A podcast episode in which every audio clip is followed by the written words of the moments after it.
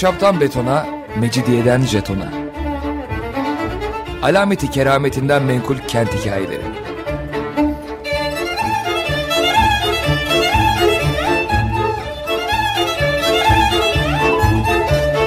Hazırlayan ve sunan Pınar Erkan.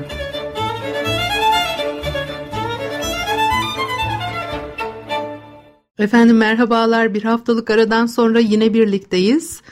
95.0 frekanslı açık radyoda ahşaptan betona, mecidiyeden jetona tam şu anda başlamış bulunmakta.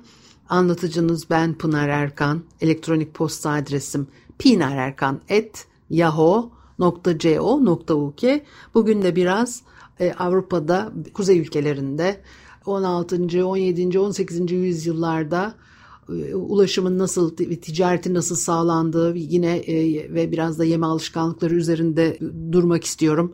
O ilginç bilgileri sizinle paylaşmak istiyorum. Bir e, iskorbüt hastalığından mesela söz ediliyor. 1657'de Meksika Acapulco'nun kıyılarında bir gemi sürükleniyor. Bir hayalet gemiye dönüşmüş bu. Çünkü mürettebatı iskorbütten ölmüş. Korbüt kırmızı kan yapmak için demirle çalışan bir C vitamini eksikliği. O nedir? Askorbik asit eksikliği. Dokuları e, bir arada tutan kolajeni üretiyor. Yani bazı hayvanlar C vitamini, atlar mesela C vitamini üretebiliyormuş. O da nasıl oluyor bilmiyorum.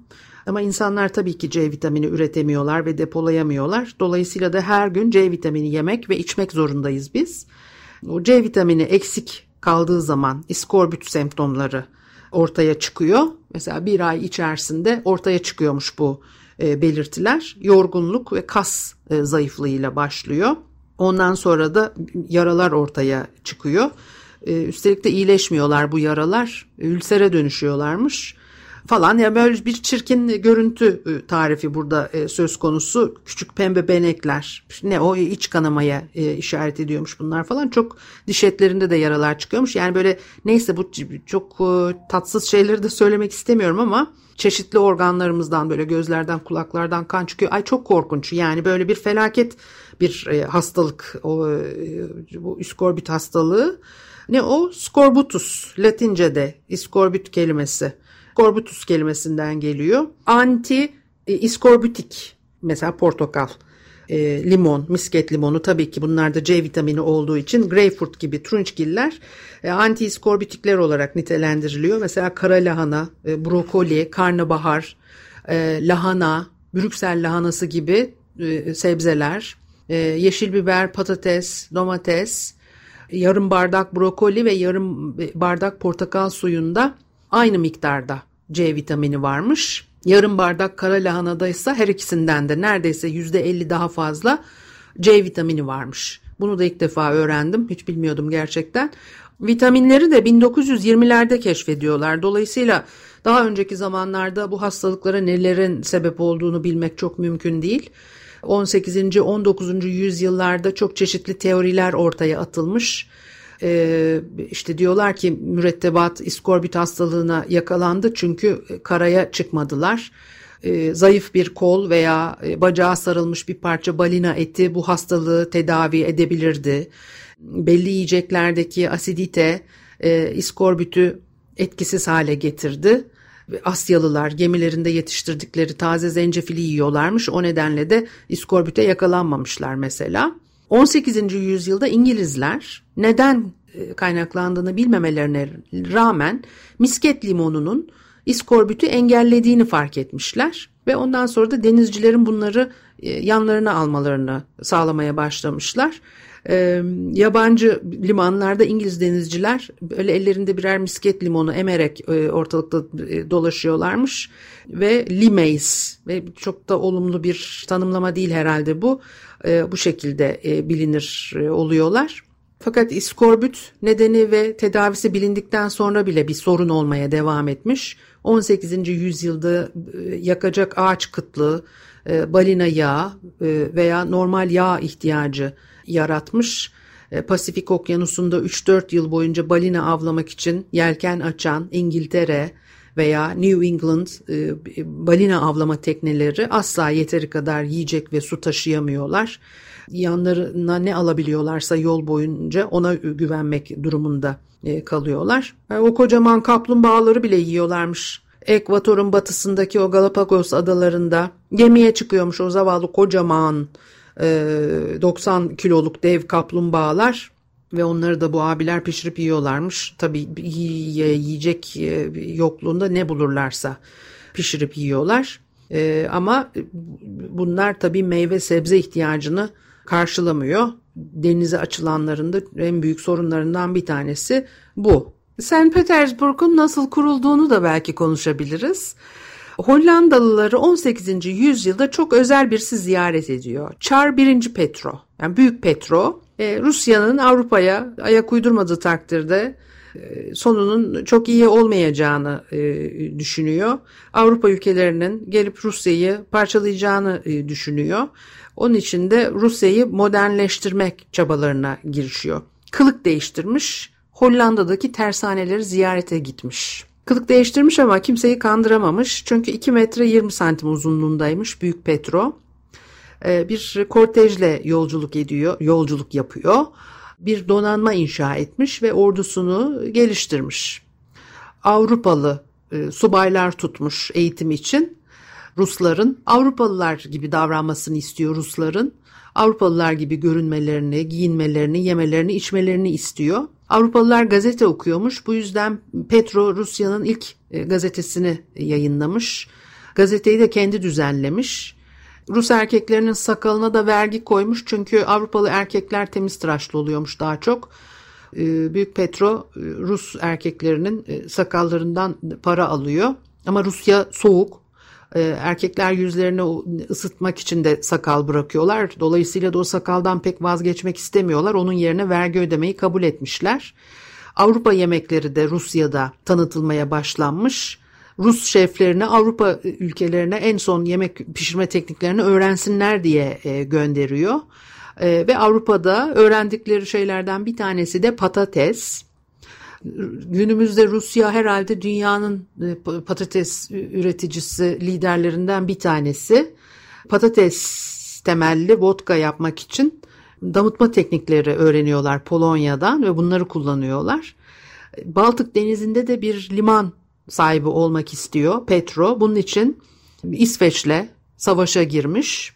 Savaşı kazanıyor ve e, liman, Petro limanı da alıyor. Burada büyük güzel bir şehir inşa ediyor ilk Hristiyan Aziz'in ismi olan St. Petersburg olarak da bu şehri isimlendirmiş. 17. yüzyılda İsveç'te dedim ya İsveç'le savaştılar diye bir dünya gücüymüş o zaman da İsveç. Maden açısından zenginmiş. Dünyadaki bakırın büyük bir bölümü İsveç e, topraklarında Danimarka ile bir e, savaşa girişiyor veya bir dizi savaşa e, girişiyor diyelim.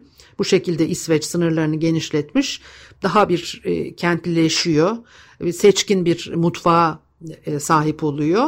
Çar, e, çavdar ve arpa unundan kraker benzeri ekmekler yapıyorlarmış. Karamelize bir peynir, e, e, keçi sütünden yapıyorlar onların meşhur peyniri. E, ringa balığı avlıyorlar, morina balığı e, ve arktik alabalık avlıyorlar denizden. E, somonu terbiye ediyorlar. E, neyse işte yerde terbiye ediyorlarmış. Çukurlar açıyorlar. O çukurlara e, gömüyorlar. Ne o Amerikan geyiği de avlıyorlarmış. O soğuk iklimde turp, şalgam, yer lahanası gibi kök sebzeler yetiştiriyorlar. Lafı o meşhur İsveç köftesine getireceğim de e, kekre yemiş ve Norveç böğürtlerini. E, onu hem insanlar hem ayılar da çok seviyorlarmış. Pers kebabındaydı belki İsveç köftelerinin e, kökleri diyor e, Civitello bilmiyorum. Çünkü bununla ilgili sanki köfteyi şimdi ben çok yanlış bir şey de söylemek istemiyorum ama niyeyse Türklerden öğrendiler falan diye bir şey de var aklımda ama tamamen yanlış bir şey de söylüyor olabilirim. Belki siz biliyorsanız bana söylersiniz. Hamur işleri yapıyorlar çeşitli hayvanların kanından çorbalar yapıyorlar. Ay, bu çok acayip bir e, alışkanlık. Bu e, Avrupa'da da e, e, uygulanan bir e, yöntem. Frank kimyonuyla tatlandırdıkları bir tür viski e, yapıyorlar.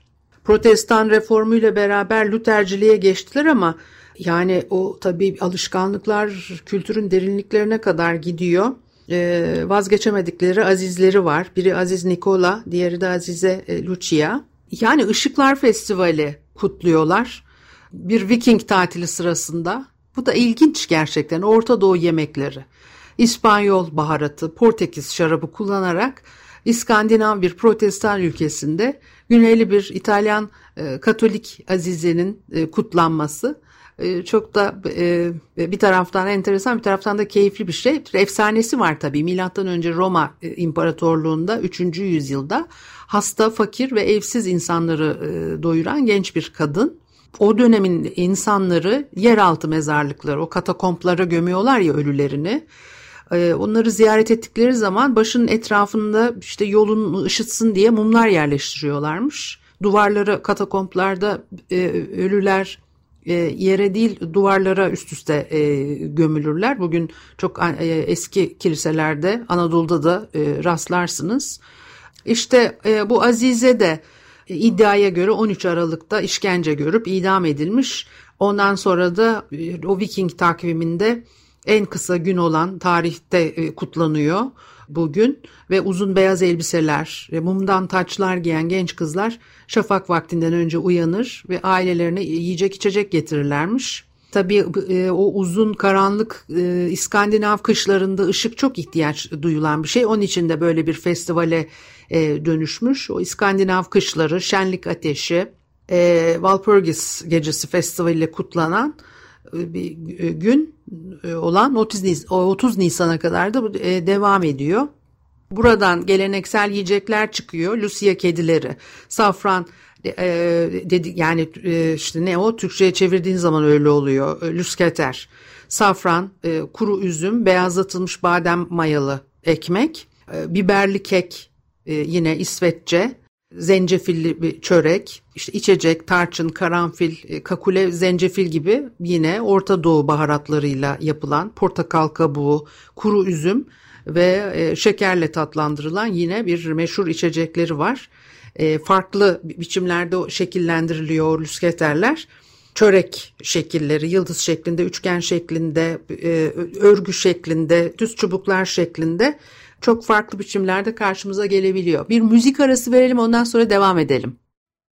Efendim Açık Radyo'da Ahşaptan Betona, Mecidiyeden Jeton'a devam ediyor. Haliyle Pınar Erkan'ı dinlemektesiniz. Ben de bugün böyle İskandinav ülkelerinin gelenekleri, Rusya'dan biraz söz ettik, e, İsveç'ten söz ettik, biraz belki Norveç'ten de e, söz edebiliriz.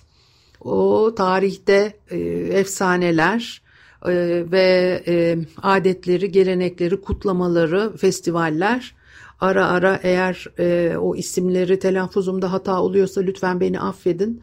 Çok tedirgin oluyorum. Çok yanlış söyleyeceğim. Çünkü her şeyi de bilemem ki ben. Tabii ki her şeyi bilmiyorum. E, cahilliğim e, ortaya çıkacak. Her konuya aynı derecede hakim olmak tabii ki çok mümkün değil. Şimdi 18. yüzyılda İskandinav ülkeleri o dönemlerde Norveç ve Finlandiya'nın büyük bir kısmını kontrol ediyor. Norveç'in bazı bölümlerinde yeterince toprak yok. Dolayısıyla işte o tarlalar falan bunlar büyük mesele e, e, üretim yapmak için. Burada o döneme özgü bir e, sınıf insan ortaya çıkmış. Bu insanlar kendi topraklarına sahip olamıyorlar. Tıpkı Amerika'nın güneyindeki ortakçılar gibi sadece toprağı işleyebiliyorlar. Ve üstelik de çoğu toprağı eliyle kazmak durumunda kalmış sabanla değil. E, yani çok zor yaşam koşulları 19. yüzyılın başlarında erkekler için hayat uzunluğu yaşam e, ne demek ömür beklentisi 45 yaşmış. Çok düşük değil mi? Dağlar ve birçok fiyort veya körfezlerde 2400 kilometrelik bir deniz kıyısı Norveç'te o coğrafya, iklim tabii yaşamı şekillendiriyor. Burada da balıkçılık büyük bir e, endüstri. Çünkü Norveç'in batı kıyılarında işte ısınıyor körfez akıntıları filan var. 200'den fazla yenebilir türde balık e, varmış burada. E, dolayısıyla da balıklar Norveç ahalisinin beslenmesinde başlıca ürün. Huş ağacının külünden yapılan bir işte maddeyle muhafaza yani işte kül aslında yani külde muhafaza ediliyor balık külden temizlemek için de birkaç gün suda bekletildikten sonra hazırladıkları bir yiyecek Noel arifesinde e, yenilen geleneksel bir e, yiyecek. 1854 senesinde Norveçli bir eczacı A ve D vitaminleri ve omega 3 bakımından zengin bir e, yağ üretiyor. Zengin morina balığı ciğeri yağıymış bu. E, söylemesi bile uzun ve zor. Patates 18. yüzyılın ortalarında gelmişti. Patatesler genellikle Norveç otu, dereotuyla kaynamış olarak e, servis ediliyor. E, diğer e, sebzeler havuç, soğan, şalgam, lahana bunları da yine yiyorlar. Norveç mutfağı da tabii ki diğer İskandinav ülkelerinin mutfaklarıyla ortak özelliklere sahip. E, Danimarkalılar gibi böyle yuvarlanmış sıkılmış bir tür sandviç yiyorlar. İsveçliler gibi köfte yiyorlar. Norveç böğürtleni, yahniler pişirip yiyorlar özel günlerinde. Ne o? Mayıs 17 Mayıs 1905 bağımsızlık gününde patates yahnisi tüketiyorlar. İçinde etler de var. Ekmekler, patates ve şekerle yapılan lefse, yulaf ezmesi, düz ekmek ve e, koyu çavdar ekmeği. Noel'e özgü şeyler, tatlı, mayalı, kakule kokulu, yul keki ve zencefilli çörek e, yiyorlar. O e, Türkçe'ye e, halka kek olarak e, e çevrilebilecek yine e, besinleri unlu besinleri bir 18 yuvarlak kalıpta pişirilen böyle gide gide küçülen badem ezmesinden e, yapılan şeyler bunlar. Ondan sonra e, tek kişilik kekler istiflenerek e, Noel ağacına benzer bir şekilde e, e, dekore ediliyor. Kranz cake dedikleri şey işte düğünlerde falan da yapıyorlarmış. Onların e, geleneksel kekleri, pişirdikleri şeyler. Bir de meşhur kağıt helvaları varmış. Bir başka Noel geleneği badem ezmesinden yapılan böyle küçük domuzlar. Vikingler zamanında e, tanrıça Freya'ya kurban edilen domuzu temsil ediyormuş. O Freya, e, Cuma, Friday İngilizce'de e, tanrıça Freya'dan e, geliyor her şey böyle bir sembolik anlam taşıyor ya baktığınız zaman. Norveçliler iki e, ana öğün yiyorlarmış günde. Vikingler de öyle yaparlarmış zaten. Bir zengin soğuk kahvaltı, frokost ve akşam saat 5 civarına denk gelen de sıcak bir e, yemek yiyorlar. Yine o frokostta tütsülenmiş et, sosis, ne bileyim ben rengeyi, peynir de yiyorlar, somon, ringa balığı, taze dut seviyorlarmış. Waffle'lar, yulaf lapası, kahve, süt bunları tüketiyorlar. E, yahni yiyorlar ondan sonra da ikinci öğünde. Yatmadan önce muhtemelen bir atıştırma veya hafif bir akşam yemeği de e, olabilir. E, aftens olarak isimlendiriliyormuş bu pirinç pudingi dediği şey de herhalde sütlaç. Onlar bizden farklı pişirip yiyorlar sütlacı. Ee, mesela İrlanda'da sütlacı sıcak yiyorlar. Soğuk sütlaç yenir miymiş diye bir de burun kıvırıyorlar. Halbuki ben de sütlaç yani tamam piştiği zaman dayanamıyorsan ağzına bir iki kaşık atarsın da veya tencerenin dibine hani kazırsın çocukluk alışkanlıkları ama o İrlandalıların olur mu canım öyle şey işte sütlaç dediğin yani rice pudding diyorlar tabii sıcak yenir. Bir de içine reçel filan karıştırıyorlar. Bizimki gibi çok e, şeker de koymuyorlar içine. İçine yumurta da katılır. Yine üstünde kalın bir tabaka oluşsun sütlacın diye. Bunlar bize ait e, keyifler ve zevkler. Avrupa'da işte o soğuk ülkelerde belki de tabii soğuk ülke olduğu için öyle yapıyorlar. İçine reçel falan karıştırıyorlar. Ben de işte eğitimimin bir kısmını İngiltere'de aldım. Orada çok şaşırmıştım ve hiç de hoşuma gitmemişti. Sütlacın içinde reçel. Yani böyle farklı mutfaklara, lezzetlere son derece açık bir insanım. Çok severim yiyeyim falan ama o da bana öyle çok güzel görünmemişti o zaman. Neyse her, her ülkenin tabii kendine göre alışkanlıkları var. Norveçli çiftçiler hayvanları dağa çıkarıp indirerek tabii mevsimine göre e, yaylacılıkla e, uğraşıyorlar. E, bir sütçü kızlar bakıyormuş ineklere. O sütçü kızın günü de mevsimden mevsime göre değişiyor. Yazın dağda işler erkenden sabah dörtte hayvanları sağmayla onları otlamaya göndermekle başlıyor. Ondan sonra da e, tereyağı çalkalanacak, tereyağı yapılacak, peynir yapılacak. Ondan sonra da günün sonunda o hayvanlar tekrar e, sağlıyor. 19. yüzyıl Norveçli çiftçileri için kış 7 aymış. 14 Ekim'de başlıyor. 20 Mayıs'a kadar devam ediyor. O sütçü e, kızların günlük sabah 6'da çalışmaya başlamaları. Ondan sonra da e, gübreleri kürüyorlar. Karanlık bir ahır tabii genellikle ahırlar karanlık oluyor. Hayvanlara saman veriyorlar, inekleri sağıyorlar filan. Burada değişik bir şey yok. Yani her yerde çiftçi zaten aynı şeyi yapıyor. Norveçliler hayvanlarını kapalı ve karanlık bir ahırda tutarlarmış. Çünkü böyle bir ahırın hayvanların açlığını azaltacağına inanırlarmış. Ondan sonra da e, o kızlar kendi kahvaltılarını yapıyorlar. Gene ahıra dönüyorlar. Hayvanlara dal, yaprak yediriyorlar, su veriyorlar. Günün büyük bir kısmı akarsuda yemek pişirilen yere düzinelerce kova su taşımakla geçiyor. O suyu ısıtıyorlar. Yaprak ve dallardan hayvanlar için lapa hazırlıyorlar. Ee, hayvanlar için ormanda yiyecek aramak da önemli işlerden biriymiş. Tereyağı Norveç kültürü içerisinde çok önemli bir yere sahip. Onu satıyorlar, takas ediyorlar. Kalıplarda şekillendiriyorlarmış ve düğünlerde böyle uzun masa ortasına süs olarak heykel yapılıyormuş. Halbuki biz de tereyağını severiz ama hiç de tereyağını öyle bir süs yapmak kimsenin aklına gelmemiş. Yaşama koşulları zor tabii ama 19. yüzyılın ikinci yarısına kadar Norveç'ten e, Birleşik Devletlere pek de fazla göç eden olmamış. Çeşitli hikayeler geliyor kulaklarına. İnsanlar taşınmaya korkuyorlar çünkü gittikleri yerde neyle karşılaşacaklarını bilmiyorlar. Ciddi tehlikeler yaşıyor insanlar ve bunlarla ilgili anlatılmış çok acayip hikayeler. Efendim işte gemi kaptanları yolcuları köle olarak satıyorlarmış. Buz dağları gemileri parçalıyormuş. Deniz canavarları veya Amerikan yerlileri insanları yiyorlarmış. Böyle hikayeler anlatılıyor. Bunlar da insanların e, gözünü korkutuyor. Ondan sonra başka bir haber alıyorlar. Öğreniyorlar ki Amerikalı güvenilir kaynaklardan Amerika'da maaşlar Norveç'tekinden 3-4 kat fazlaymış.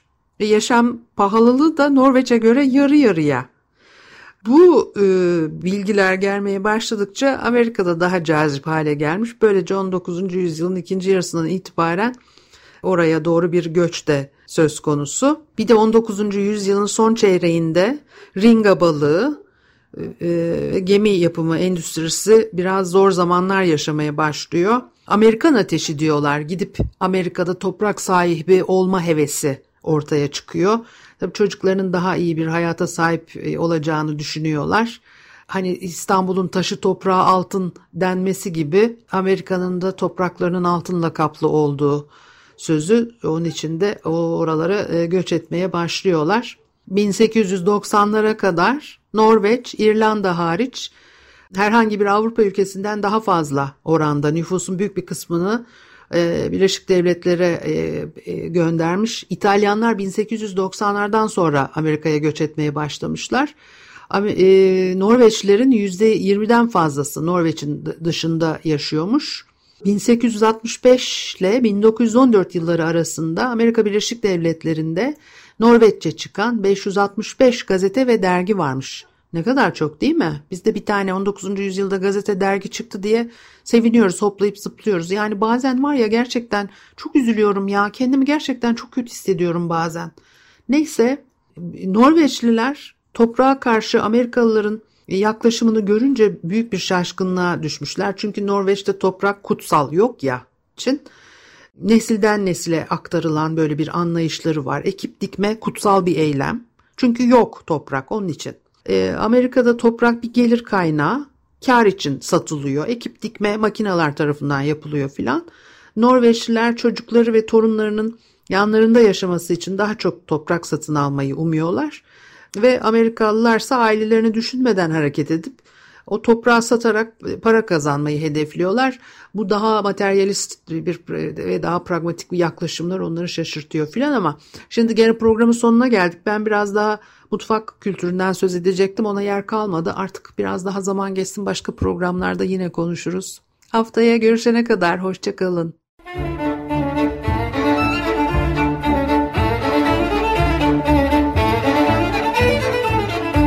Ahşaptan betona, mecidiyeden jetona. Alameti kerametinden menkul kent hikayeleri.